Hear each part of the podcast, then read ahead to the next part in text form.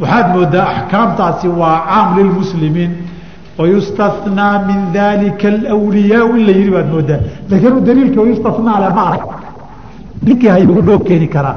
Haddaan daliil soo reeba lahaynin dadkiisaa muslimiintu ka mid noqon. Inaan daliil lahayn waxaa ku garan. Qubuurta baqic ma tagteen halku ay ku aasan yihiin cusmaan ku aasan yahay. Iyo ajilaa saxaaba ku aasan yihiin gabdhihina gabdhihii nabigu ku aasan yihiin sala allahu alayh alih wasalam wax dhisan male wax degeda male wax qubada male de qoladaasi way garaadadii haraayeen kuwan dambaa ka garaada weyn miya mise qoladaasi way fiicnaydii aadaab ixtiraam markay dhinteen saxaabadii kale iyo dadkii salafkaa ulama dhaqmina annagaa si fiican u ixtiraamayna mise xaq iyo shariicad nusuus ka qarsoontay waan anagu garanayna mise warka si kale aan u dhigeen iyagana xuduud sharci baa xidhay jirtay inana halkaan goosanay idinkaa jawaabta idinka tegi. Waxaa labaadoo ka mid aadaabta qubuurta uliyada in masaajid loo sameeyo oo la kala masaajid weynaado si loo kala laandheer sida loo kala qabiil badan yahay oo weliba nin aan qabiil weyn meelo badan aan degin kala dhalay ay ku abtirsadaan unbaa weligiiba hal qabri iyo hal qubo yeesha. Kismaayaa laba kun iyo afartii tegey. Anoo socdaan qubad dhisan arkay. Markaasa qubadan maxaa waay? Markaasaa waxaa la yidhi waa xaji makaahi markaasaa waa ma halkanoo ku dhintay. Markaasaa yidhi maya. Waan tegey. Anoo socdaan mid kale weyniga ood ka sii weytii hor iyo ood baa arkay wartadna maxay ahayd? Anida markaas magaaladii ugu horreysay. Waa sheekh jabarti baa layidhi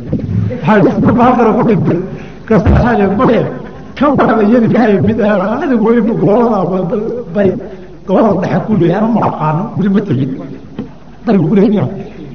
An markaan ugu dhawaa baadiyada jirta mid shaangaaday marka ma arag laakiin sheekada baan ku maqlay marka waxaa caadi ah ninka mucadamka ah meelo xataa kala duwan oo astaantiisa iyo magaciisa lagu xasuusto in looga dhiso masaajid in laga dhiso oo masjid weyn laga dhiso oo masjid jaamica uu yeesho.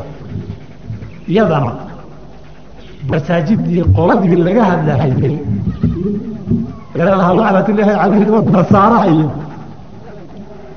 oo maxaa nasaariya dabkay galeen muxuu yihi iyaga lacnada ugu dhici haddii awliyadeena masaajid ogol yahay haddii muslimiintiiba masaajid la ogol yahay iyaga maxaa loo lacnaday midda kale iyagu qubuurta xagee ka dhiseen ittakhaduu qubuura ambiyaaihim. Riwaaya saxiixa leedahay wa saalixiihim masaajid. Dadkii wan wanaagsanaa iyo ambiyadii bay qubuur ka dhisteen masaajid ka dhigtay qubuurtoodii. Qoladan in lagu lacnado oo nabigu sakaraatulmowt haya ku lacnado. Isla markaa innagana inoo ogolaado say isu qaban kartaa bal wixii daliilay ka soo reebay masaajida qubuurta awliyada ah iyadana ha loo keeno. Waxaa kaloo aadaabta qabriga iyo xuquuqda qabriga weliga ka mid a sanad guuradii kasta in lagu soo diiqo oo la soo xuso oo loo yimaado. Kuwa kale dadka kale masaakiintaa guryaha la ysaga xusaa wardi baa loo akriyaa soo maa laakiin ninka weliga ah gurigaaga inaad wardi ugu akrida miyay guddaan raggii yaqiineed baarkaysdirin raggii guri yaqiinay ninka weliga ah in guriga wardi loogu akriyo miyay guddaan? Hadday saa tiraahdo masaakiintii caamada ahayd baad la darajo ka dhigtay soo maa qubuurta awliyadu waxay inaga dhaqankeena iyo curfiga dadka la baray khaas la tahay sannadkii mar in la tago. Inkastoo dadka qaarkii aanay kaba tegin iyadoon ag joogaanba oy meeshaba degaan marka sannadkii la yimaado in xoolo la qalo ajri laga raadinayo. In weligii wixii loo baahan yahay la weydiisto. Cadaab waxaa ka mid oo qubuurta kuwa sii waaweyn marka la soo galo in la dawaafo qabriga marka la soo galo toddoba jeer ama saddex jeer dawaaf horta in lagu wareego oo la fadhiisanin oo kacbadababa dhagaxe ma kacbaduu ka maqaam yaryah kacbada sharcigaa jiday in la dawaafo laakiin waxyaabaha mukhaalafaadka sharciga ee la samaynayay ka mid tahay.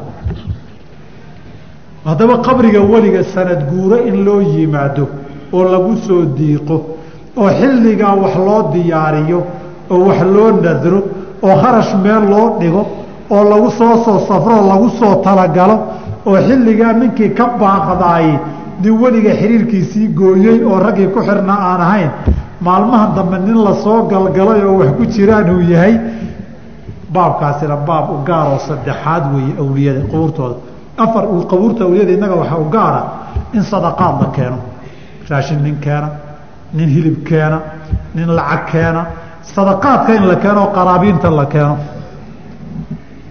Qaraabiinta maxaa loo keenay? Nin soomaaliyeed oo qabiil soomaaliyeed ku duulay oo intuu qori qaatay muslim soo dilay oo xoole iyo geel ka soo dhacay boo xooluhu soo dhacay intuu soo kaxeeyuu qabri keeni war muslim buu u soo dilay oo dhiig buu u daadiyey ama waxbuu ka soo meel buu ka soo dhacay. Qaybna meeshan uu keliya ninka muxuu rabaa? Markuu yimaado mid baa ka qaadi muraadkaagii waad heshay baa la dhihi. Muraadku muxuu yahay? Sukuukul kufraan soo ma? Sooma waad heshay baa la dhihi. Ninkani meeshan dambi dhaaf iyo janna u soo doontay iyo dhibaato iyo dhibaatooyin haysta in laga qaado u soo doontay ee meeshan bilaash xooluhu u dhintay ee xabadda u galay bilaash xoolihiisa kuma keeni hadduu leeyahay xoolaha meesha haddaad geysa waxba ka heli maysid xoolihiisa kama keene wubuu dhintay dad buu laayey xoolaha sidaas ahaa waxbaa lagu rabaa muqaabilkeeda ninkan qabriga ku jiraee weliga ah saaxibu tasarufi fi lkowni xayan wa ah ba wax laga rabaa soo maanan soo dhihin oo erayo idinma keenin saaxibu tasaruf waqad surifa fi lkowni so masale hore kamaana soo hadlin. Mas'aladiibaa weli shaqaynaysa sheekha kanaan keene muraadkaagi waad heshay. Wuxuu ka xishoon qofku qabriga sanad gurada inuu yimaado isagoo wax wedin waxaa kaloo shanaadoo qubuurteenna la sameeyaa. Dawaafka kadib oo weliba qaarkood khaas u ah waa inaad tahaaro qabto. Qubuurta awliyada waaweyn markaan ziyaaranayno waxaa aadaabta ka mid ahaan jirtay in badan oo kamida xeraha yagii inaad tahaaro qabto. Aniga makac baan tawaafaya mise masjid baan taxiyata masjid ku tukanayaa maya. Qubuurta kale tahaaro la'aan ku tag laakiin qabriga awliyada min ixtiraamihi wa taqdiirihi wa tabjiilihi waxaa ka mid ah inaad tahaaro qabto koow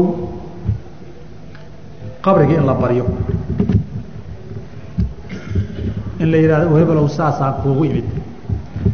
Ha loo duceeyaa sharciga la ysku ogaa. Hadda isagaa la baryaa saasaan kaa rabaa waxaasaan kaa doonayaa saa haddaadan ii yeelin. Masaladan mar kale ducada dib baan ugu soo noqon doonaaye waa waaqic jiro oo qubuurteenni ka jira. Ninkaan ninkii ee yaqaana ee qubuurta waaweyn ka qayb galay ama u soo xereeyey baa wax badan ka garanaya. Arrinta lixaada ku soo gebagabaynayo dadka waxaa looga sheekeeyaa qabrigaa marka la isugu yimaado. Ninka dadka qabrigan soo ziyaartay ee sheekha u yimid waxa ay helayaan. Ninkii sheekha u yimaada kaasuu heli sheekha ninkii u yimaada anwaartaasuu heli karaamaadkaasuu sheekhu lahaa kanuu leeyahay kanuu leeyahay saasaad heli. Waxaad ka helayso qalbigaaga lagu dejinayo inaad ku xirnaatana lagaa doonayo baa waxaa lagu dareensiin. Safartaad soo gashay daalkii ku soo gaaray xoolahaad bixisay wax ka qiimo badan baad heshay ninka nin u yimid weligana soo booqday weligiiba ma khasaaro. Marka adigoo aada u faraxsan oo laabtaadu aada u degan tahay oo haniimatu dunyaa walaakhira inaad heshay u haysa baa tegi. Waxaan arki jiray rag wasiire ah iyo rag madaxa oo markii ziyaarada weliga la jooga tago aada ma tukado weligiina masaaj ku arki maysa laakiin ziyaarada qabriga kama baaqdo weliga markuu tegayo codsi buu u tagaa. Waxyaabuu codsiyuu rabaa in loo hirgeliyo. Meesha dan gaara dan baa kaga xiranoo looga soo dhammaynayaa annagoo madiine joogna masjidka nabiga sala allahu alayh alih wasalam baa nin hindi buu ahaa bakistan bangaladesh waa meelahaasu ahaa. Aada uma xasuusaade baa ii yimid. Show warqaduu bangaladesh ka soo qaaday oo nabiga ku socotuu wadaa sala allahu alayh ali wasalam meeshiina dad baa taaganoo warqadii inuu geeyo waa laga celiyey af ingiriis jajaw igula hadlo wuxuu yihi magaaladaa degan tahay. Haa arrin baan rabaa inaan kuu dhiibto maxay tahay? Warqadanaa xagga ka soo qaaday nabigaan u waday nabigii waa la ii diiday adaa meesha deganoo mar un fursad iyo jaanis ka heliye warqadda iga qaado iga gaarsii waxaan ku ihi daadna adeero haddii aan gaarsiiyo warqadaba oo aada meesha geeyo dee adigu haddaad tagto seed jawaabtii ku ogaan. Jawaabtii lagu jawaabi lahaa seed ku heli markaasuu wuxuu yihi waxay culimmadu noo sheegeen qabriga nabigu meel waraaqaha laga ridana wuu leeyahay meel jawaabtu ay ka soo baxdana wuu leeyahay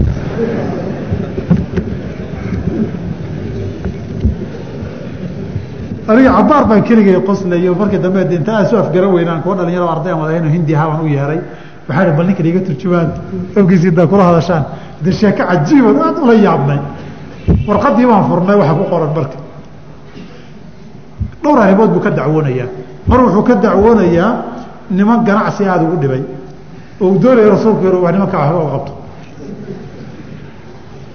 Mar wuxuu ka dacwoonayaa carruur ka xumaatay oo rasuulku doonaya inuu wax kala qabto.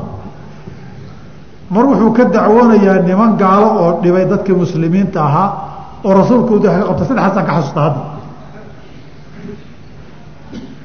Haddaba isaga waxay la tahay marka qabriguna meel duleesho waraaq kaga dhacda ma laha. Dadku waxay u qaateen saddexda duleele midna nabiga ku aadan ala slam midna qabriga abubakar midna qabriga cumar ku aadan baa duleelatan iyo qabriga gudihiisa banaan bay u qaateen laakiin waa khata waa albaabkan. Inaad meesha istaagaysa markaad salaamaysa ku kala garata loogu sameeyey. Intaasina. Dhaaf waktigii soo hal masalo kalea rabay inaan ku daree halkaasaan isaga daynayaa. In sha allahu tacaala jumcada soo socota. Hadda kadib lasberiednaba casharadii baa bilaabanaye. Jumcada soo socota baan qaybaha dambe aan ka gaara ka hadli doonaa qubuurta gaalada xukunkeeda in la soo fago kow qubuurta muslimiintu hadday lafihii baaba-aan ma la saari karaa ama qof kale ma lagu aasi karaa qubuurtan magaalada buuxsamiinse xukun iyo wej sharciga ma leedahay. Iyo meydkii haddii la aaso isagoo aadaabtii tacaamulkee sharciga wax ka dhiman yihiin.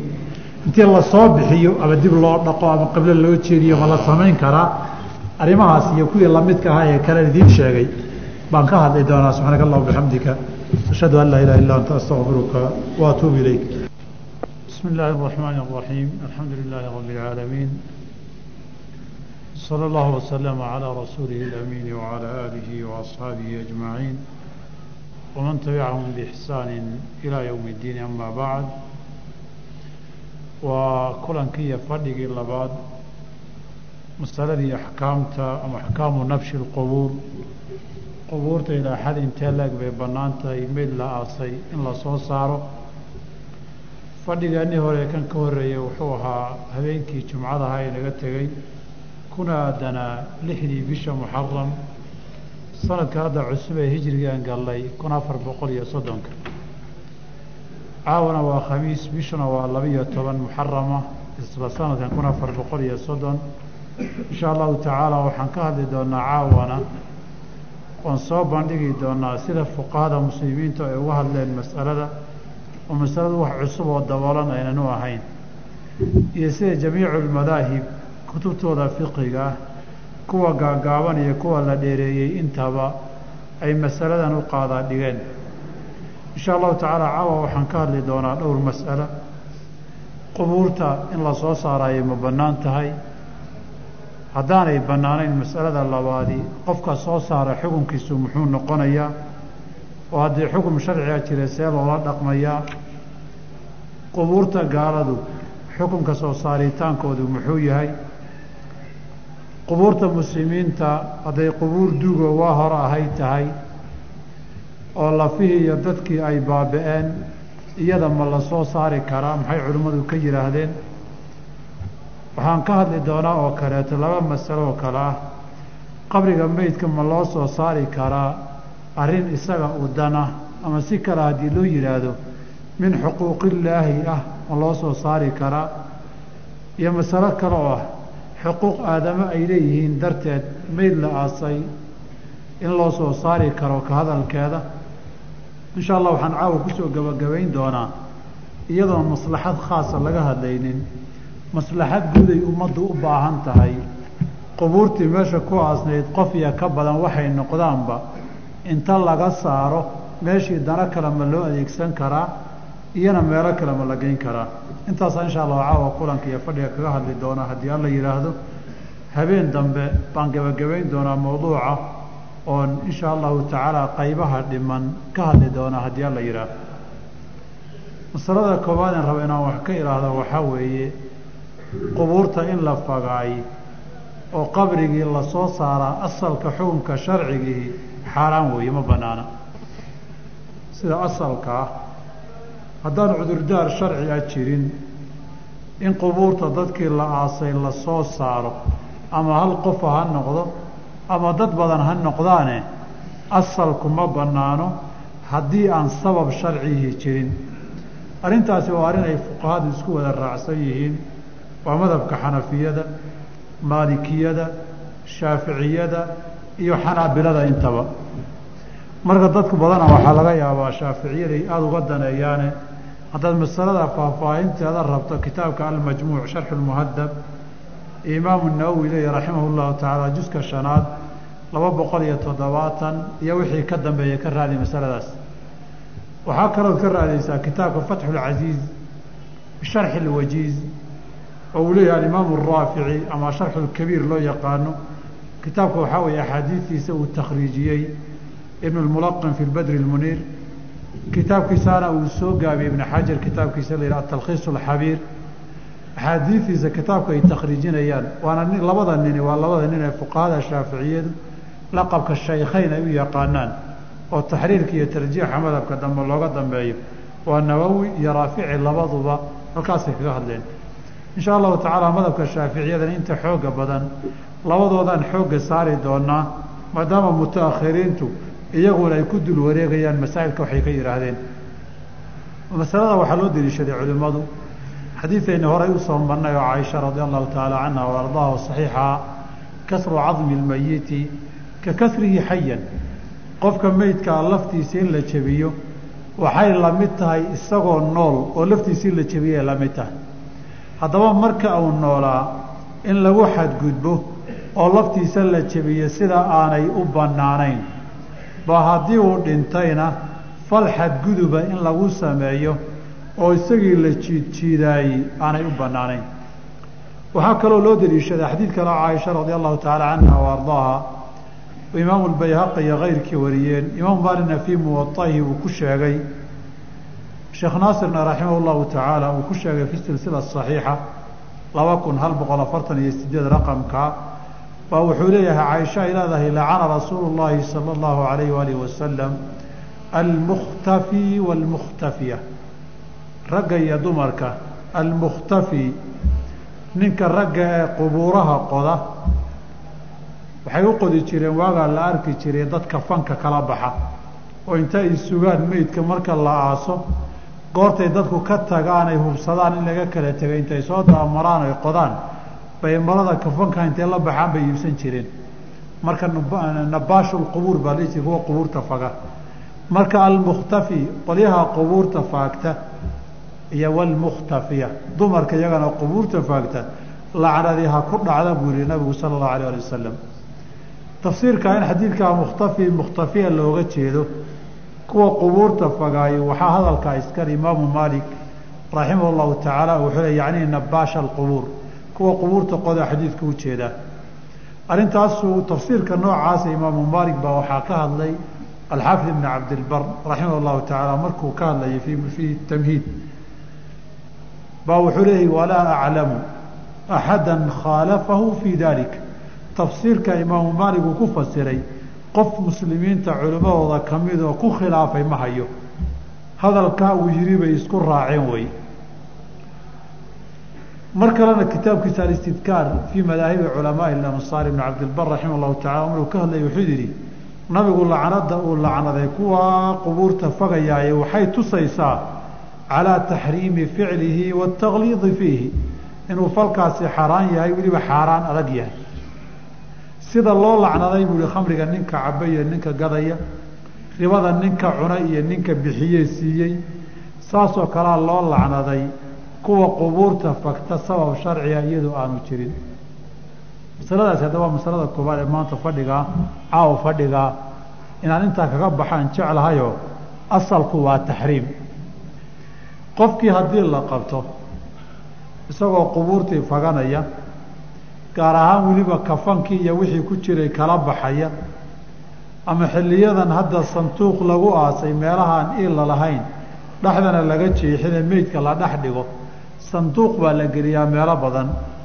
Kaasay la baxaan qaarkood oo intay dadka fiiriyaan marka laga tago buu sanduuqaa iibsadaayoo xagga intuu ka soo wareejiyo baa meelaha sanduuqyada lagu sameeya dadka laga dhintay buu ka laba goor iibiyaa. Kaas haddii la qabto maxkamad sharci oo islaamna ay jirto maxaa lagu samayn culimmadu labay isuu khilaafeen raxmat ullaahi calayhim. Iyagoo isku raacsan inuu ficilkuu sameeyey falkiisu xaaraan ku tallaabsaday. Laakiin hade qofku xaaraam hadduu xaraam hadduu sameeyo xadda sharciga ee ku aadan maxay tahay? Culimmadu labay u qaybsameen. Qowlka koowaadi waa jamhuuru ahli lcilmi raxmat ullaahi calayhim. Culimmadu siday u badan yihiin oo sida shaaficiyada iyo maalikiyada iyo xanaabilada iyo saddexdii oday ee xanafiyada mid kamida alqaadi abu yuusuf la yihaahdo laga wariyey saxaabada qaar ka mid oo caaisha iyo cabdillaahi bni zubayr ay ka mid yihiin. Taabiciintii ka dambeysay xasan ilbasri iyo cumar bn cabdilcaziiz shacbi ibraahim annakhaci isxaaq ibni rahawey abu thawr ibn lmundir rag badan laga soo guurinayo. Iyagu waxa ay leeyihiin ninkaasi waa tuug. Tuug la qabtay weeye xoolana meeshii lagu xafiday iyo maal ka raadiyey oo ka soo saaray. Haddii uu xoolahan uu kala baxay qabrigu xaddii sariqada gacanta loo goyn jiray ay gaarhaan tuqtacu yaduhu gacantaa la jarayaa sababtoo a nabaash ninkani waa tuug ilaahayna wuxuu yihi wasaariqu wasaariqatu faqطacuu aydiyahumaa. Gacmaha gooya rag iyo dumarba. Almukhtafi waalmukhtafiya weeye gacmaha hala gooyo. Laakiin nusuus badan baa shardi ku xirtay oo ah qiimihiisu rubcu dinaarin iyo wixii laga hadlaya inuu gaaro. Qiimihii haddii hala qiimeeyo uu gaarana waxay yidhahaan gacanta la goyn. Arrintiina ama uu qirta ama markhaati loo hela isaga inuu sameeyey. Haddii ay gaari weydana waa la tacjiiri. Xaabi xabsi iyo garaac iyo ganaax iyo wixii dan loo arkay qaadi u arku ku samayn. Waxay yidhaha inuu tuug yahay waxaa caddaynaya markay culimmada fuqahadu ka hadleen tuug maxaa la yidhaahdaa? Tuugase maxaa la yidhaahdaa? Sariqa tuuga tuuganimadu maxay tahay? Waxay yidhaahdeen waa inaad xoolo iyo maal qaado khufyatan si qarsoon min xirzi milihi meeshii lagu xifdihi jirayna aada ka qaado ninkani xooluu qaatay. Dadkiina waa ka dhunto waa iska qarinayey. Kafanna qabri baa lagu asturaaye min xirzi milihi buu kala soo baxay. Kaa waxaa la mid a haddaba xukumka min baabi alfaa'ida ninka la yidhahdo fuqahada daraarka la yidhaahdo. Daraarka waa ninka wax jeebsiiba ninka ku jeebsiibaayey dee xoolahaaga maanta aad wadata jeebkun baad gashan lahayd waa xirzu milihi wuxuuna jeebsiibaa adigoon arkaynin buu aayar kaa dafaa hor iyo gadaal miday jeeb hoos iyo jeeb kor waxay tahayba. Haddaba ninkaas haddii la qabto iyo ninka nabaashka ee qubuurta kafanka iyo sanduuqyada kala baxa la qabto. Hadday xoolihii nisaab gaaraan jamhuurtu waxay leeyihiin gacantaa la goynayaa. Masaladan xataa imaamu shaafici baa sidaa leh kitaabkiisa alum kaga hadlaya. Ashaaficiyu sagiir ninkii la dhihi jiray almawardi fi lxaawi kabiirna waa kaga hadlayaa fuqahada kalena madaahibta kutubtooda ay kaga hadleen qowl labaad baa jira culimmada qaar ka mida abu xaniifa iyo moxamed ibn alxasan iyo laga soo warinaya zuhri iyo rag lamida waxay leeyihiin may ninkan hala ciqaabo laakiin gacan la goyn maayo. Waayo tuugada aayaddu ka hadashay ee sharciga xilligii sii jirtay nabi waxyuu soo degayey tuugo qubuur qoda ma ahayn. Xoolaha adduunkana meelaa lagu xifdiyaa iyagu marka waxa ay leeyihiin dhowr arrimood baan daliishanaynaa marka koowaad qiso tan oo kalea dhacday buu leeyahay zuhri. Xilligii madiine uu haystay marwaan ibni alxakam khilaafada guud ee muslimiintana ay saxaabo badan xilligeedii noolaayeen. Qisadii markii ay dhacday marwaan ibni alxakam xilligaas saxaabadii joogtay dhammaantood waxay isku raaceen nimankii qubuurta lagu soo qabqabtay inaan gacmaha la goynin. Ibnu abi shayba soo gurinaya fii musanafihi laakiin zuhri ma soo gaarin waktigaase ciddii warka u sheegtay inuu sheegay ahayd mase sheegin. Waxaa kaloo yidhahdeen kafanku xoolo maaha bay yidhahdeen kafan xoolo iyo maal maaha. Waxaad ku garan bay dhaheen maal inuusan ahayn dabeecaddii iyo dadka caafimaadka qaba. Intii kafankii loo soo bixiyo waaka kafankii ee qaada haddii la yidhaahda warad nala dhaafuu dhihi qof walba uu ka carari. Saas darteed wuxuu la macno yahay waxaan qiimo lahayn oon cidi wax ku falaynin buu ka dhigan yahay saas darteed maal qiimola dadkan ma xadine in la gooyo maaha. Waxaa kaloo yidhaahdeen markii maal la xaday dadka loo goynayo waa cid maalika oo maalkan leh oo dalbanaysa oo soo dacweysa waa in la helaa. Waxay yidhahdeen amaashan cidiba ma lahaba. Ninka meydka ana ma lahan oo de meyd wax ma yeesho. Xoolihiisi oo dhan baa milkigiisa ka baxa. Waaridkuna maba lahanoo dadka dhexlayayo de xoola ay dhexlayaan oo qaybsanayaan ma aha saas darteed kafan xoolo maaha maalna maaha nin mooraalkiisi iyo dabeecaddiisi iyo maskaxdiisu caafimaad qabtana kafan wax kama dayo iyo qabri wax la geliyo meyd lagu duubay marka waxaasi waa mundad akhlaaqdu ka luntae si kala ha loo ciqaabee baabu sariiq ayaan la gelinin bay yidhahdeen qowlkooda jamhuurta aniga sawaabkii la dhow masalada saddexaad ee caawa aan doonaya inaan ka hadla haddaba haddii qubuurtii cumuuman in la qodo ay xaraam tahay qofkii qodayna la iskuba haystoo loo badan yahay tuug inuu yahay hadday xoolihii xaddii lagu goyn lahaa gaaraana la gooyo masaa'il badan baa laga soo reebay oon taxriimkii asalkahaa gelaynin. Masaa'ilkaas waxaa ka mid a horta waxaa laga hadlayaa waa qubuurta muslimiintae ta gaaladu kuma jirto qubuurta gaalada in la qodaa bannaan in laga saaraa bannaan in beer laga dhigtaa bannaan in daaro laga taagaa bannaan in masaajid laga duldhista intii laga saaraa bannaan. Horta qubuurta gaalada iyadu nusuus cadcad baaba loo hayaa. Intii la iska saaro in wixii la rabo la samayn karo. Nabigaaba sameeyey sala allahu alayh ali wasalam masaajidka nabiguna maalinkii horreysay uu taagnaaye la dhisayey meesha wixii laga saaray laga dhisay laga xaqay waxaa ka mid ahaa qubuuru lmushrikiin baa la soo fogay oo laga saaray. Bukhaariyo muslim waxay wariyeen. Min xadiidi anasin radia allahu canhu wa ardaah. Wuxuu leeyahy anas nabigu madiinu yimid sala alla alay wasalam madiine meel koruu degayoo xaafad la dhihi jiray xaafadda reer beni camr ibni cawf uu degay. Xaafaddu waa xaafadda masjidka qubaa ku yaallo. Markaasuu ku nagaaday afar iyo toban habeen buu deganaa qoyskii laf ahaan ree awowgii ahayey ugu xigay ee reer beni najaar la dhihi jiray buu u soo cidiray wuxuu yidhi xaggaan u soo gudbi rabaaye hoos baan magaalada ugu soo dhaadhiciye ha la ii yimaado. Hareerahana yuhuud baa deganeed oo cabsi baa jirtay. Markaasay iyagoo hubkoodii wata oo waardiyaha iyo amniga inay sugaan nabadgelyada sugaan u labisan oo soo diyaargaroobay bay yimaadeen nabigay soo raacay slam nabigu gaadiidkiisii buu saaraa gadaalna abuubakar baa uga saaraa ragguna hareerahay ka socdeen. Hashiisii uu saaraa baa qolo walba waxay yidhaahdeen annaga nagu soo deg annaga nagu soo deg. Waxau yihi dacuuha fa inahaa ma'muura. Hashan ilaahay xaggiisaay ka amran tahaye halkii rabbi ugu talagalay iyadaa istaagi doonto fadhiisan doontee daaya ka lexda horteeda. Say u soo socotay meel halkan masaajidka agtiisaa bay fadhiisatay waxaana deganaa meesha abu ayub alansaari oo guri kor iyo hoosa laba guri oo isdul saaran lahaa. Abu ayub alansaari hortiisay degtay. Nabigu calayh salaam wuxuu ku tukan jiray haddaba jeclaan jiray hasha meeshuu inuu isaga tukado. Wuxuu leeya anas xeryaha arigana nabigu waa isaga tukan jiray. Markaasuu wuxuu amray masaajid in la dhiso. Halkan oo beer ahayd agtiisa oo masaajidka halka laga dhisay ah oo qolyo carruur agoona ay lahaayeen wuxuu yihi reer beni najaarow beertiinan iga gada masaajid baan ka dhigayaa waxay yidhaahdeen annagu shilin ma rabno. Wuu diidey. Ilan xoolahan xoolo agoon weeye. Markaasay waa lala waa la gorgoriyey waa la iibiyey. Beertii markii la iibiyey geedo timiroo ku yilay waa la guray.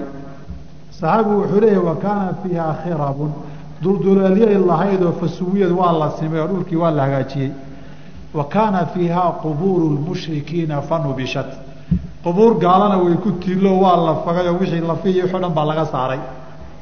Halkaasaa masaajidka nabiga laga aasaasay sala allahu alayhi waalihi wasalam fuqahaduna xadiidkaasay wada qaateen.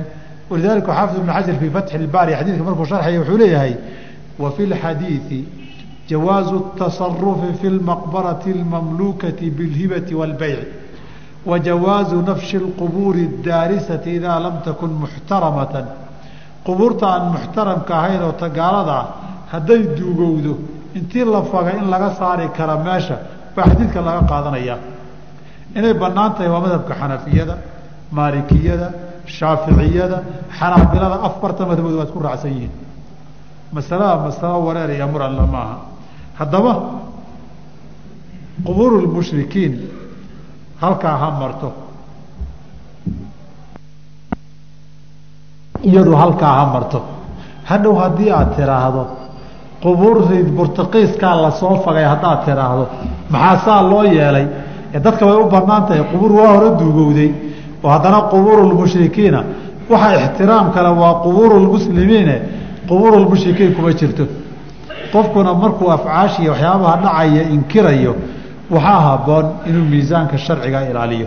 Wax ilaahay diintuu si jirayso ogolaatay haddii aad ka xanaaqdo islaamnimadu khatar inay gashaa laga yaabaa saas darteed haddii la fago oo layska xaaqa qubuurta yuhuudda layska xaaqo ama nin markii horeba soo duulay oo dadkii laayey oo dadka xoog ku qabsaday oo xaqdarro magaalada ku haystay oo baktigiisii ku aasay kan nool joogitaankiisaaba dembi ahay oo xabad lagaga saaraye kan tabarta daran in la iska fagaay wax dhiba kuma jiro sharciga waa ogol ogolyahay nin baa loo baroor diiqi.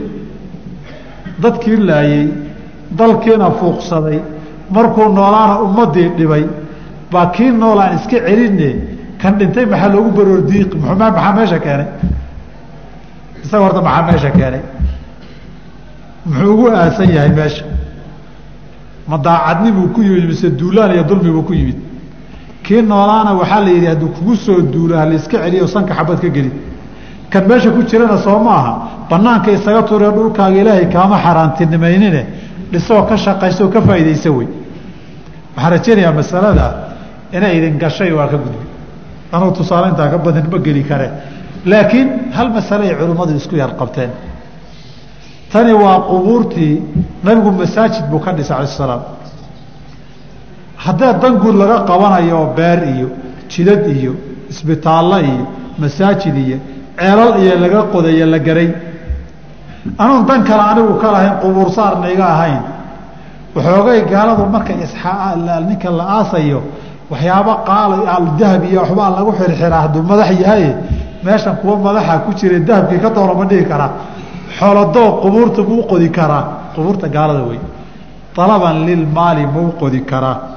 Masaladaasi waa masalo culimmadu ay isku qabteen. Jamhuuru ahli اlcilmi waxay ku tageen inay bannaan tahay. Adoon xoolo ka rabin bayba bannaanayde haddayba xoolo kaasii galaanna kawa sii fiican ba yihahde waana madhabka xanafiyada shaaficiyada maalikiyada iyo xanaabilada intaba fuqahada maalikiyada imaam maalik maaha. Walidaalika waxay ku cileeyeen xadiid bay deliishadeen laakiin. Xadiidka waa xadiid abu daawuud warinaya cabdillahi bn camr bn caas. Qabru abi rugaal baa la yihahdaa abu rugaal nin gaal oo cadaab ku dhaca bu ahaa leeyihiin riwaayaadku. Qisada cadaabku inuu ku dhacay inay jirto way sugan tahay. Oo nabigu alay sla slam xadiidka uu ninku leeyahay acuudu billaahi an nakuuna kawaafidi caadin bay qisada ku sugan tahay ree caad markii ilaahay cadaabayey horta ardul axqaaf bay deganaayeen. Axqaafna meelahay deganaayeen waa koonfurta yamaneed ilaa cumaan wey dhulkan la yidhaahdo mukalla iyo xadalamuut iyo cadan iyo ilaa cumaan aad gaarto dhulkana waxaa weye axqaafta ay suuraddu sheegtay dhulkan wey abaar baa ku dhacday. Abaar dheer markay ku dhacday weligaa beyta xaramka waa la cisayn jiro waa la qadarin jiray. Aburuqaal bay soo direen. Aburuqaal markay soo direen waxay dhaheen oradoo xaramkii kacbadii tago noo soo allabari abaaraa dhacay. Oonkii waxay gaareen qofka fadhiyaay inuu ariga waraabaha ka ceshan waayo. Marka dambe isaga waraabaha lugta intuu jiito inuu iska dhicin waayo. Nimankii kibirkoodii la waayo wey. Alla maxaa nin kibray? Waayaha adduunka ayaamuhu ilaahay uuna tusay isagoo meel xun yaalla halkaan bay iska wada mari doontaa waxbaa welwelina haddaba ninkii meeshii buu yimid. Miday reabti u ahaayeen oo taajira oo meelaha deganaa buu isaga tegay oo khamri isaga cabi jiray. Laba gabdhoodoo fanaano oo u joogtayna way isaga heesi jireen. Budda markuu joogay baa ninkii baa dhibsaday. Ninka shaqada loo soo diraye khamriga iska cabay iskana hurda. Gabdhihii buu xoogay afareyntii u tiriyey isaga lagu laga hadlayo. Buu yidhi u tiriya markii loo tiriyey buu isgartay xaramku soo aaday. Wuxuu yidhi ilaahay waad og tahay anigu qof jiran oo daaweyso kuguma iman. Wax kaloon kugu imidna ma jire nimankii ree caadaha ilaahu biyo naga sii buu yidhi. Laba daruurood baa soo baxay oo mid cad iyo mid madowa waa lala hadlay hadal u maqlay oo waxaa la yidhi kala dooro u kala door ree cad tii is yidhi tanaa biyo badane. Tanaan u dooray. Waa lala hadla waaa khudhaa ramaadan ramdan laa tubqii min caadin axadan iyadoo dambas ah qaado oon hal nafara ka reebani reer caad. Cadaabkii reer caad buu ku dhacay isaga xaramku muddo ku gabaday. Cadaabkana waa qoraa laakiin xaramka ilaahi subxaana wa tacaala cadaab kuma soo dejin. Tiisii waa lala sugayey markuu ka cambabaxay xadulxaram ka baxay bay ku dhacday isagiina dhag! Wuu dhintay soo maaha qabrigiisii taallo la dhagax tuuray noqotay qabru abiruqaal la yidhaahdo la dhagax tuuro qofkii soo maraba dhagax tuur balaa kugu dhacday. Kii wayeer tolkii cadaabka ilaahay u weydiiyey. Ilaah cadaabka tolkii uga soo qaaday. Qisada horta abiruqaal waa qisada. Qisada min xayu jumla asal ahaan way sugan tahay. Oo xadiidkaa kale ay ku sugan tahay. Lafdiga acuudu bilah an akuuna kawaafidi caadin waa qiso dheer. Laakiin qisadan kale abu daawuud baa wariyeyoo sanadkeedu waa daciif. Walow imaamu lmizi fii tahdiib ilkamaal xadiidku waa xadiid xasan oo ku leeyahay abu ruqaal qabrigiisa waxay leeyihiin nabigu waagii aa'if uu aaday. Markii maka la furtay kadib waa kii aa'if la aaday. Aswatu awtaas iyo camu awtaas iyo xunayn ay dhici jirtay. Markaasuu soo maray dheh nabigu qabriga abiruqaal wuxuuna yidhi qabrigii aburuqaal weeye kan astaantaad ku garanaysaan haddii aad rabtaan laan dahabaa lala aasay haddaad qodaan waad ka helaysaan. Saxaabadii baa u orotamayoo waa la fagay bay yidhahdeen ilaa laantii laga soo helay dahabkahayd laangeeda har u samaysanoo dahaba waxay nabigaaba yidhi haddaad qodaan waad ka helaysaanoo waa la qoda uu ka anfusay soo maaragti xadiidka hadduu asaxa waa ku cadaan lahaa calaa kulli xaal. Imaamu maalik iyo imaam lawsaaci baa waxay yidhaahdeen xoola dayday qubuurta gaalada in loo faga ma wanaagsana. Ama xaaraan baa laga soo guuriya ama ficna laba arrimood bay ku xuleeyeena waxay yidhaahdeen war dadkii naga horreeyey qubuurtoodu dad fiican oo ambiye iyo dad saalixiina ku jiri jiray. Lacalla waxaa laga baqaa gaal xun looma cabsanaye in adigu gaal aad raadinayso. Laakiin qof fiicnaayo muslim ahaa iyo nabiga qabrigaad ka duldhacdaa laga yaabaaye nabiga qubuurtan iska daaya yihahdeen waxaa kaloo ka baqaynaa bay yidhaahdeen ummaddan qabrigooda aad fadhideed qodayso waa ummad meesha ilaahay niman caasiyo meel cadaab ku degayo wey. Meesha cadaab ku degayana waa laysaga fogaadaa kaniisad baan wax ku baranay adugu marka. Meesha cadaab ku degayana waa laysaga fogaadaa soomada rag bay dheheen nabig alai salaam xadiidka ibni cumar ee bukhaari iyo muslim wariyeen. Markii diyaaru hamuud la tegey qowmu hamuudna waxay deganaayeen. Jasiiradda meel madiine korkeeda ay deganaayeen. Waadi lqura baa la yidhaahdaa alxijri baa la tegey hadda in dalxiis baa laga dhigayaabaa la yidhi guryihii reer hamuud buuraha ay ka qoteen wathamuud aladiina jaabuu sakra bilwaad baa ilaa hadda qodaalkoodii baaqi yahay. Qoraalkoodiina wax ka sii haray. Goormay ahaayeen. Waa halkan. Caalamkii hore iyo ambiyadii hore iyo ummadda aadamii hore aggan jaziiraddan bay ka soo farcamay soomada jaziira alcarabiya baa laga soo farcamay nabigu wuxuu yihi iyagoo intay fadhiisteen ceelashii biyo ka dhaansadeen raashin ku karsanayo isagoo ka dambeeyey soo gaaray. Markaasuu yihi daadiya weelasha raashinkana daadiya weelashana jejabiya riwaayadka qaarkood weelasha jebiya kuma darin. Maxaa yeelay ilaahay cadaabkii ku degayuusada ku soo degine?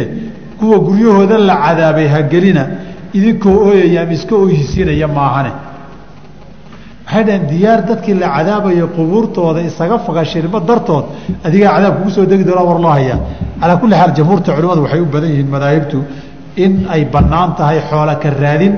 Inaad kolba mid u fagto aad tidhahda lacallaka inaad xoola ka hesho lala aasoo madaxaabaa laga yaabaa. Waxay jamhuur fuqaad dhaha wax dhiba ma laha. Ayib haddaba ninkii si kale isaga fagtana waxba aada hawla yaabina. Masalada kale qubuurta muslimiintaan ku soo noqon. Qubuurta muslimiinta xaalado dadkii la aasay la qodi karaa jirta. Masaladana masalo qarsoon maahee ninkaan kutubta kaba warqabin maahane? Waa masale si aada fo culimmada uga hadleen. Halkaa wixii ka bilowdana kutubta ajzaad iyo safaxaadkan keeni doonaa haddii alla yidhaahdo waayo qof baa laga yaabaa waa la iska sheegaye maxaa caddaynaya culimmadu saa inay dheheen inuu yihahdo warkiisa? Masalada koobaad way bannaan tahay masaladani way bannaan tahay. Qubuurtu muslimiinba ha noqdaane. Hadday qubuur waa hore ahay tahay oo lafihii iyo dadkii ku jiray xilligaa aynan noolaan karin ayna jiri karin in qubuurtii la fago ama si kale loo isticmaalo ama qof kale intii loqodo lagu aaso way bannaan tahay. Haddii la isku khilaafo amay wax ka nool yihiin weli ahlulkhibraha loo noqon waddamada kuleylka iyo qabowguna lafuhu waa kale hor dhammaanug yihiin qubuurta muslimiinta guud ahaan. Hadday maqbaradan qubuurtan oo dhanba mid waa hore ahay tahay oo waayahan cidiba wax ku aasanin oy wada baaliyoobeen waxaa bannaan in masaajid laga dhigo waxaa bannaan in beero laga dhigo waxaa bannaan in daara laga dhigo waxaa bannaan in jidad laga dhigaa bannaan. Biitifaaqi اfuqahaa fuqahadu way isku raacsan yihiin. Nooca laga dhigaya khilaaf yar baa jiroo dib ka sheegi doono. Walidaalika asal waxaa masaladan u hortood lafta bini aadamkii markii la aaso way baaba'daa ciiddu way cuntaa. Walidaalika nabigu alayh slam xadidka abirina bukhaariya muslim kulu bni aadama taakuluhu اlardu ilaa cajba danab bini aadamka dhammaantii ciiddu way cuntaa. Ilaa cajba danab laftan yare dabada kor kaga foorarta maahane minhu khuliqa wa fiihi yurakabu iyadaa laga abuuray bal laga bilaabay abuurkii lafihiisii iyadaana soo celinta laga bilaabaya. Haddaba xadiidkan uu wuxuu leeyahy ibn cabdilbari fi listidkaar juska sideedaad saddex boqol konton iyo shan ilaa saddex boqol konton iyo lix. Wa hada alxadiidi wa yuujibu an yakuuna banuu aadama kulluhum sawa. Xadiidkan cumuumkiisu wuxuu faa'iideynayaa inay bini aadamku arintaa ka wada siman yihiin ilaa annahu qad ruwiya fii ajsaadi shuhadaai ana alarda laa taakulhum shuhadada laakiin waxaa soo aroortay dee adilaa inuusan dhulku cunin waxaana kugu filan buu yihi maa jaaa fii shuhadaai uxudin masalada wayna iman doontaa shuhadaa uxud sayd saabiq wuxuu ku leeyay fii fiqi sunna ittafaqa alculamaau culimmadu waxay isku raaceen calaa ana almowdica aladii yudfanu fiihi lmuslimu qofka muslimkaa meesha lagu aasay waqfun calayhi waa meel isaga waqaf ku ah. Maa baqiya shayu minhu min laxmin aw cadmin. Inta hilib iyo lafi waxuun isagii ka nool yahay. Fain baqiya shayu minhu haddii waxuun ka jiro falxurmatu baaqiyatu lijamiicihi intiisaasoo dhan xurmadiisi way jirtaa fain beliya wasaara turaaban hadduu duugoobo ciid noqdo jaaza dafnu fii mowdicihi booskiisii in qof kale lagu aasaa bannaan. Wa jaaza alintifaacu biardihi dhulkiisa in laga faa'iidaystana way bannaan tahay. Fi lgarsi waazarci geeda laga tallaala iyo beer laga sameeyo. Walbinaa'i in wax laga dhiso. Wa saa'iri wujuuhi lintifaaci si kasta oo loogu intifaacayo. Markuu akhirkii soo gaaray buu wuxuu yidhi arrintaasi waa biitifaaqi haddaba itifaaqa guud ka soo tago adiga shaaficiyaa tahay soo maa qaala alimaamu اnawawiyu kitaabkiisa majmuuca juska shanaad saddex boqol iyo saddex wuxuu ku yidhi yajuuzu nabshu اlqabri idaa baliya almayitu wasaara turaaban. Qabriga in la qodo way bannaan tahay. Haddii uu duugoobo oo ciid noqdo waxiina idin markaas yajuusu dafnu gayrihi fiihi. Qof kale in lagu aaso way bannaan tahay wayajuusu zarcu tilka alardi wa binaauhaa dhulkaa in la beerto ama wax laga dhisana waa bannaan tahay wasaa'iru wujuuhi اlintifaaci iyo si kasta oo loogu intifaacayaba watasarufi fiiha iyo in lagu takrifalana waa bannaan tahay biitifaaqi اlasxaabi asxaabu shaafici waa isku raacsan arrintaas khilaaf kama taagna masalada masalo muran ka taagan yahay ma wa haadaa kulluhu arrinkaasoo dhani idaa lam yabqa lilmayiti aharu min cadmin wagayrihi laf iyo wax kale haddaan meydkii wax ka soo haray jirin wayakhtalifu dalika biikhtilaafi اlbilaadi wاlard dhulku suu u kala duwan yahayna way kala duwanaataa wayuctamadu fiihi qowlu ahli اlkhibrati biha dadka khibradda u leh baana arintaa ma dhammaadeenoo ma duugoobeen mise ma duugoobin dadkaasaa loola noqonaya wuxuu ku leeyahay kitaabkiisa haddana rawdatu aalibiin juska koowaad boqol sagaashan iyo saddex laa yajuusu nabshu lqabri qabri in la qodo la fagama banaana ilaa fii mawaadica meel meelaha qaarkood maahane. Minhaa waxaa ka mida meelahay bannaan tahay. An yabla lmayitu wayasira turaaban. Meydka inta uu duugooba ciid inuu noqdo. Fayajuusu nabshuhu wa dafnu gayrihi fiihi. In la qodo qof kalena lagu aasa way bannaan tahay wayarjicu fii daalika ilaa ahli اlkhibrati dadka khibradda uleh baana loo noqon ma gaaray wakti u baabao wa takhtalifu biikhtilaafi اlbilaadi waalardi dhulku suu kala duwan yahay kala duwanaataa qabrigii hadduu duugooboo dumo ciidda ma ku ururin kartaa waidaa baliya almayitu meydku hadduu duugoobo lam yajuz ma banaana cimaaratu qabrihi wa turaabi calayhi qabrigiisa in dib loo hagaajiyo oo ciiddii lagu ururiyo ma banaana fi lmaqaabiri اlmusbalati maqaabirta guudan cid gaaru lahayn lianlaa yatasawara lianlaa yatasawara si aanu ugu muuqanin bisuurati اlqabri اljadiidi qabri cusub aan loo moodin fayamtanica annaasu min adafni fiih oo dadku ay ka warwareegaan markaa inay ku aasaan meelay dadka u banaanayd intay gartaan meel dhimatay oo waa hore duugood inay tahay oy ku aasan lahaayeenba haddaad ciidda ku ururiso baad ka hor istaagaysaa. Saas darteed xataa qabrigii baaliyoobay ee dudumay ciid dib ugu ururintu ma banaana cinda shaaficiya sababtoo waa dadba qabr cusub intay moodaan bay ka leexanayaan waxaana u banaanayd inay ku aastaan ay qotaan.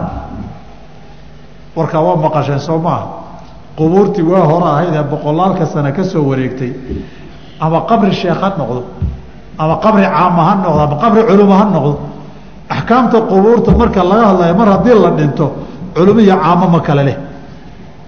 Sheekha uu weynaa ama weligii weynaa hadduu qabrigiisu baaliyoobo cinda fuqahaai shaaficiyati wakaas madhabka xanafiyadaa qabta waxaad egtaa tabyiin اxaqaa'iq juska koowaad laba boqol afartan iyo lix. Iyo kitaabka albaxru raa'iq la yihahdo juska labaad laba boqol iyo toban iyo kitaabka radd lmuxtaar la yihaahdo juska labaad laba boqol afartan iyo shan saddexdaa kitaab madhabka xanafiyada ka eg. Madhabka maalikiyadaa qaba isagana mawaahibuljaliil juska lixaad safxada labaatanaad ka eg. Madhabka shaaficiyadaa qaba almajmuuc linawowi mar kale ka eg. Juska shanaad safxada labaatan iyo toddobaadna kaga hadlay. Waxaa kaloo ka hadlay imaamu alghazali kitaabkiisa alwajiiz juska koowaad safxada labaatan toddobaatan iyo sideedaad xanaabiladuna muqniga ibnu qudaama ka eg juska saddexaad afar boqol afartan iyo saddex. Alfuruuc oo ibnu muflix alxambali uu leeyahay juska labaad laba boqol toddobaatan iyo sideed alinsaaf kitaabkii mardaawi weeye juska labaad shan boqol konton iyo saddex ka eg isagana. Fuqahada maalikiyada qaarkood waxay yidhaahdeen nimayahow mas'aladaas masaajidda waan ogol lahay dhismahana waan ogol lahay. Laakiin waxaan leeyahay masaajidda iyo waan ogol lahay laakiin in wax laga dul dhistay iyo beer iyo yaanan ogolaanin bay yidhaahdeen. Qaar fuqahada maalikiyada baa saa yidhi masalada haddaba halkaa waxaan kaga gudbi. Qubuurtii hadday duugowdo si guud ahaaneed ama qaar kamida uu duugoobo inta la qota waxna waa lagu aasan karaa. Hadduu dhinac kamida duugoobo waa hore ahaana inta la xaaqa guryaha laga dhisan karaa beerna waa laga samaysan karaa isbitaallana waa laga samaysan karaa.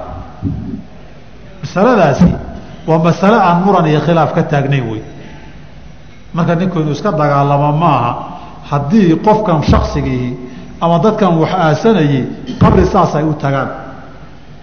Masalada xigtaay waa masalo furuuc badan le wey qofkii meydkaha ee dhintay ee la aasay waxay fuqahadu banneeyeen in xaqullaahi haddii laga tegey la soo qodo calaa khilaafin baynahum khilaafaad iyaga uu ka dhexeeyo saas darteed khilaafaadka ka dhexeeya xasabalmasaa'il weeye suwar badan baa ka mida. Waxaan soo gurin rabaa insha allahu taala ka soo qaadanayaa ilaa afar suuraan ka soo qaadanaya afar masalo oo masaladaa soo hosgelaysa. Qofkan haddii la aaso isagoon la dhaqin meyd baa la aasay. Meydkii isagoon la dhaqin baa la aasay. Dadkii markii ciidda lagu rogee laga soo dareeray intii dib loogu noqdo oo la soo fago ma la soo bixin ma waajib baa in la soo fago mise ma banaana. Masaladaa culimmadu fuqahadu way isku qabteen. Saddex qowl bay leeyihiin fuqahada muslimiintu. Adiga qowlka koowaad waxaa weeye in la qodo ma banaano marba haddii la aasay. Waxaa qaba xanafiyada. Sida uu sarksi ku sheegay almabsuud juska labaad toddobaatan iyo saddex. Kaasaani ku sheegay badaayicu sanaa'ic juska koobaad saddex boqol toban iyo shan. Raddulmuxtaar uu ku sheegay ninkii qoray iyo xawaashidiisa juska labaad laba boqol soddon iyo sideed maalikiyada qeyb ka midana way qabaan masaladaas sidaa lagu sheegay addakhiira juska labaad afar boqol toddobaatan iyo sagaal mawaahibulujaliil juska labaad saddex laba boqol soddon iyo afar. Shaaficiyadana qaar baa waa karaahiye yihi xaaraan maaha. Sida uu raafici ku soo guuriyey fatxulcasiiz juska shanaad laba boqol iyo konton iyo nawowi fi lmajmuuc juska shanaad laba boqol lixdan iyo toddoba. Intaas sida lagu soo guuriyey waa qowlka koobaad oo waa xaaraan bay yidhaahdeen shaaficiyadu waa xaraam qaybtooda sama dhihina waa karaahiya waa laga fiican yihaahdeen waxay yidhaahdeen sababtoo ah meydka mar haddii ciidda lagu rogay ama ha isbedelo ama yaanu isbedeline in la qodo ma banaana sababtoo ah xurmadii meydkay meel kaga dhac ku tahay. Waxaa kaloo yidhaahdeen dhaqitaanka waajibkii ahaay dadka wuu ka dhacayaa. Waa xaaraan ama waa karaahiya kadib in la qodo mar haddii waktigiisii tegey meydka intaan la asinba in la dheeqataa waktigeedii waa tegey qowlka labaad ee fuqahadu ay leeyihiin waa waajib in la soo bixiyoo la dhaqo haddaanu isbedelin meydku waktigu isbedela haddayna ka soo wareegin oo cusub yahay waa waajib in la qodo oo la soo bixiyo oo salaada lagu tukado. Taasi waa madhabka maalikiyada iyo qowlulmashhuur cinda shaaficiya iyo madhabka xanaabilada wey shaaficiyada iyaga waxaad eegtaa saddex kitaabeed. Fatxulcasiiz bisharxi lwajiiz oo raafici ah juska shanaad laba boqol iyo konton. Almajmuuc sharxi lmuhadab oo nawowi ah juska shanaad laba boqol lixdan iyo lix ilaa laba boqol lixdan iyo toddoba. Maawardi shaaficiyu sagiir ninkii la dhihi jiray alxawi kabiir juska saddexaad safxada lixdan iyo labaad. Intaa baan kaaga sheega ajzaadiya safxaadka shaaficiyadu baan kuu sheegi waxay leeyihiin waa waajib meydkii in la soo qodo. Si loo dhaqo ama loogu gebagabeeyo sababtoo ah waajib buu ahaa dhaqitaanku intaanu isbedelinna waa waajib laga dabategi karo. Waajibkii shariicadee laga dabategi karay in la isaga tago arrinkaas dee waajib la samayn kara ka tegitaankiisuma banaana kow. Midda labaad saxaabadiiyo nabigu calayh salaatu wasalaam iyo saxaabadiisa radi allahu canhum intaa wax ka yar laba meyd qabri mid inta laga soo saara ku wada jiray mid kale hala geeye wax lamida bay qubuurtu u qodi jireen marka qabayskii dhannaaye waajibka ahaa baa min baabi owlaa ka sii mudan bay yidhahdeen halkaasay mareen. Qolaa iyagu intaba ka sii tagtay. Waxay dhaheen qasab weeye mar haddii dhinaca bidix loo dhigay